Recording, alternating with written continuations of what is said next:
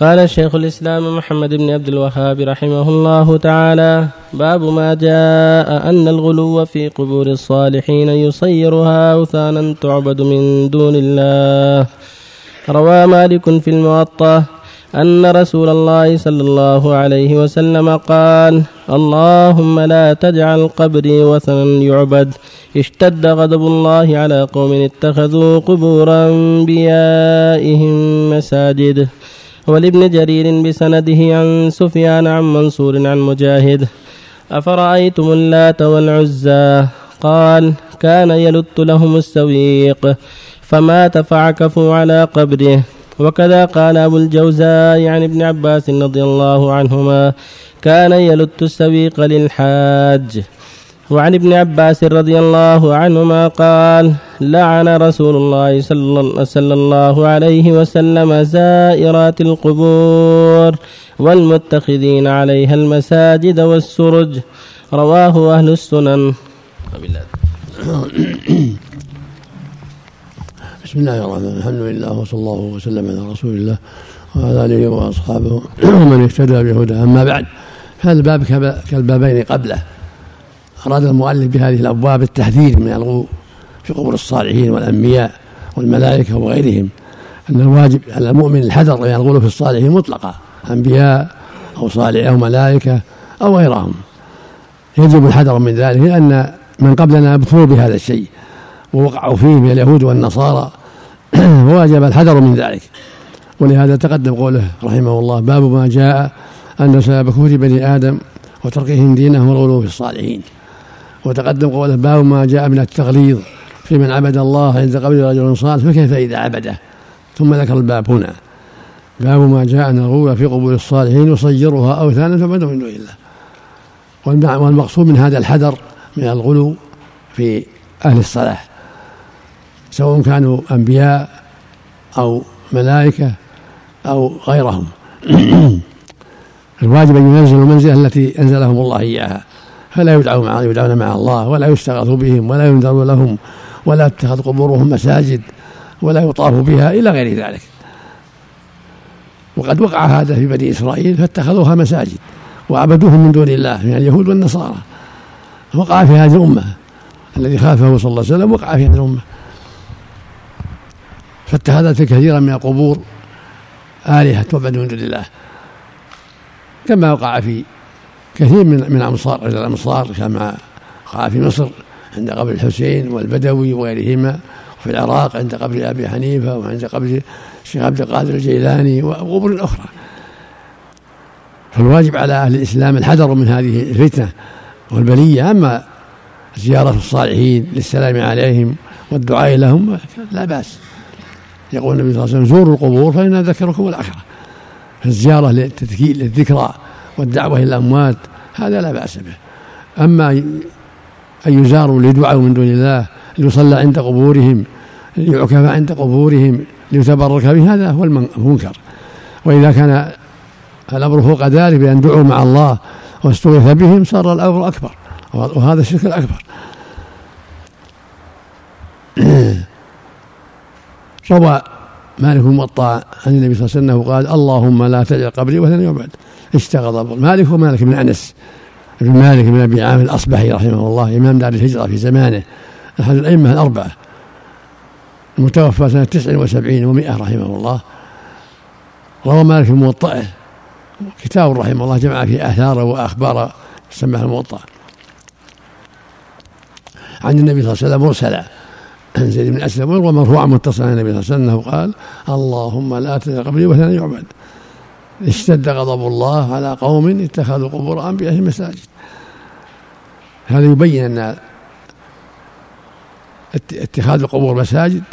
تسمى اوثان إذا عبدت من دون الله صارت أوثانا مثل ما تعبد الأصنام والأشجار والأحجار. اشتد غضب الله على قوم اتخذوا قبور أنبيائهم مساجد. يعني مصلى يصلون عندها سواء عبدوها أو ما عبدوها لا يجوز لأن الصلاة عندها وسيلة إلى الشرك بها. وهكذا فعلوا مع اللات كما روى ابن جرير. شخص كان يلت السوق في الحاج في الطائف فلما مات عكفوا على قبره وعكفوا على الصخرة التي كان يلت عليها. كان يساعد الحاج يلف لهم السوق ويساعدهم فقالوا هذا رجل صالح فعبدوه من دون الله واستغاثوا به وصار وثنا معروفا عند الجاهلية. وهكذا منات في الجاهلية. صخرة تعبد في المشلل عند قديد في طريق المدينة إلى مكة. فأنزل الله في هذا قوله سبحانه أفرأيتم اللات والعزى ومناة الثالثة الأخرى ألكم الذكر وله الأنثى. تلك إذا قسمة ضيزى. إن هي إلا أسماء سميتموها أنتم وآباؤكم ما أنزل الله بها من سلطان. إن يتبعون إلا الظن وما تهوى الأنفس ولقد جاءهم من ربهم الهدى. فالواجب الحذر مما فعله أولئك. لا مع القبور ولا مع الأصنام ولا مع غير ذلك. لأن ما وقع فيه الأولون يوجب لنا الحذر حتى لا يصيبنا ما أصابهم. فلما وقع الأولون في الغلو في اللات والعزى ومناه في غيرها وجب على المتأخرين أن يحذروا حذرهم. وألا يتشبهوا بأولئك الهالكين. وفي حديث ابن عباس رضي الله عنهما أن النبي صلى الله عليه وسلم لعن لا قال لعن قال لا لعن الرسول الله لعن رسول الله صلى الله عليه وسلم لعن رسول الله صلى الله عليه وسلم من اتخذ المتخذين القبور مساجد لعن رسول الله صلى الله عليه وسلم زوارات القبور والمتخذين عليها مساجد والسروج وفي الآخر لعن رسول الله زائرات القبور والمتخذين على مساجد والسروج الشاهد قوله المتخذين على مساجد والسروج زوارات القبور النساء. لكن المقصود من الحديث ذكر المتخذين على المساجد والسرج لأن اتخاذ المساجد عليها وإسراجها وتعظيمها وسيلة إلى تعظيمها بالشرك بعبادتها من دون الله. وأما زيارة النساء مسألة معروفة. لا يجوز زيارة النساء لأنهن ضعيفات قليلات الصبر ومن رحمة الله ومن إحسانه أن منعهن من الزيارة. كانت الزيارة مشروعة للجميع. ثم منعنا من الزيارة. وقرت زيارة الرجال ومنع النساء من الزيارة. وكان النبي صلى الله عليه وسلم أولا نهى عن الزيارة مطلقة.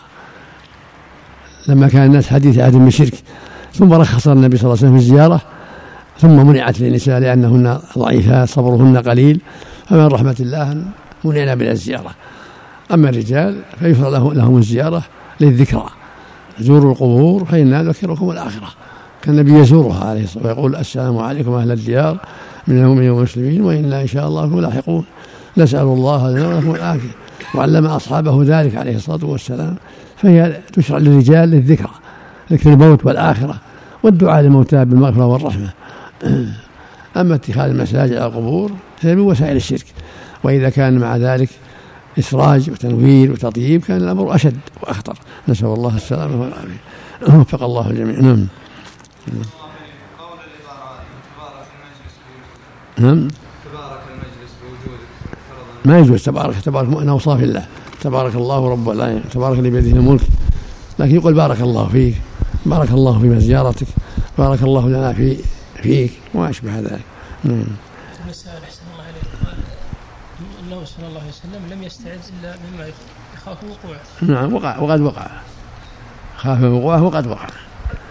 واشتهر اللهم استعن ولا الله لا إله إلا هو الحي القيوم لا تحوله سنه ولا له ما من الذي يشفع نعم. تفسير العبادة في المسائل. من فيه. قال في المسائل تفسير العبادة. لأنها من العبادة. يعني دعاء الأموات والاستغاثة بالأموات ودعاء الميت هذا عبادة. لأن قال لا تقول وثنا يعبد. يعني يدعى من دون الله يستغاثوا بالله. فالعبادة الدعاء الميت والاستغاثة بالميت عبادة لله كما أنها مع, مع الله عبادة لله. يا اللهم اغفر لي عبادة لله اللهم ارحمني عبادة لله اللهم ادخل الجنة عبادة لله اللهم أنجني من النار عبادة لله اللهم ثبتنا على الحق عبادة فإذا قالها المخلوق يا سيدي فلا انصرني أو أنا في جوارك أو أنا فقد عبده. صلى الله عليك شيخ. إذا استغاث بقبر أحد الصالحين نعم. إذا استغاث بقبر أحد الصالحين وهو جاهل هل يكفر؟ نعم. شرك أكبر نسأل الله هذه من الأمور اللي ما تخفى بين المسلمين. الله جاهل يكفر يا شيخ ولو. هذا من الكفر الأكبر. ولا ولا يعذر بقوله إني جاهل. هذا أمر معلوم من الدين بالضرورة. لكن يتوب إذا كان صادق يبادر بالتوبة. الله. في بعض البلدان يا شيخ الله إليك. ها؟ في بعض البلدان يطوف. نعم في مصر والشام وغيرها. نعم. طيب يكفرون وجهه. نعم نعم. الرسول كفرهم كفرهم المسلمون قاتلوهم. قاتلوا الوثنيين وفيهم العامة اللي ما يعرفون شيء. تبعا لساداتهم نعم. حتى في بعض الدول أوروبا أمريكا مثلا شيخ. نعم. الذبح. لغير الله. نعم شرك. ولله صلاتي ونسكي. ومحياي ومماتي لله رب لا شريك له. هذا خاصة في الدول ال- العامة تبع تبع القادة. نعم. تبع الكفار. تبع اليهود والنصارى وأشباههم. الله. غادتهم تبع لهم نسأل الله العافية. عامتهم تبع لهم نعم. أحسن الله إليك. الدعاء بجاه النبي صلى الله عليه وسلم. من, من الوسائل ما, ما يجوز. اللهم إني اسم جاه النبي هذا ما يجوز. أو اللهم إني اسالك بنبيك أو بالصالحين أو بجاه الصالحين. أو. قال لا يكفر حتى تقام عليه الحجة. الحجة قائمة. لأن الله جل وعلا قال هذا بلاغ للناس. كتابه بلاغ للناس. وقد بلغ المشرق والمغرب. والناس أعرضوا عن القرآن ولا يريدونه نسأل الله العافية. قول شيخه وقول إمامه عندها أكبر من الرجيم. الله لا آله الا انت سبحانك اللهم.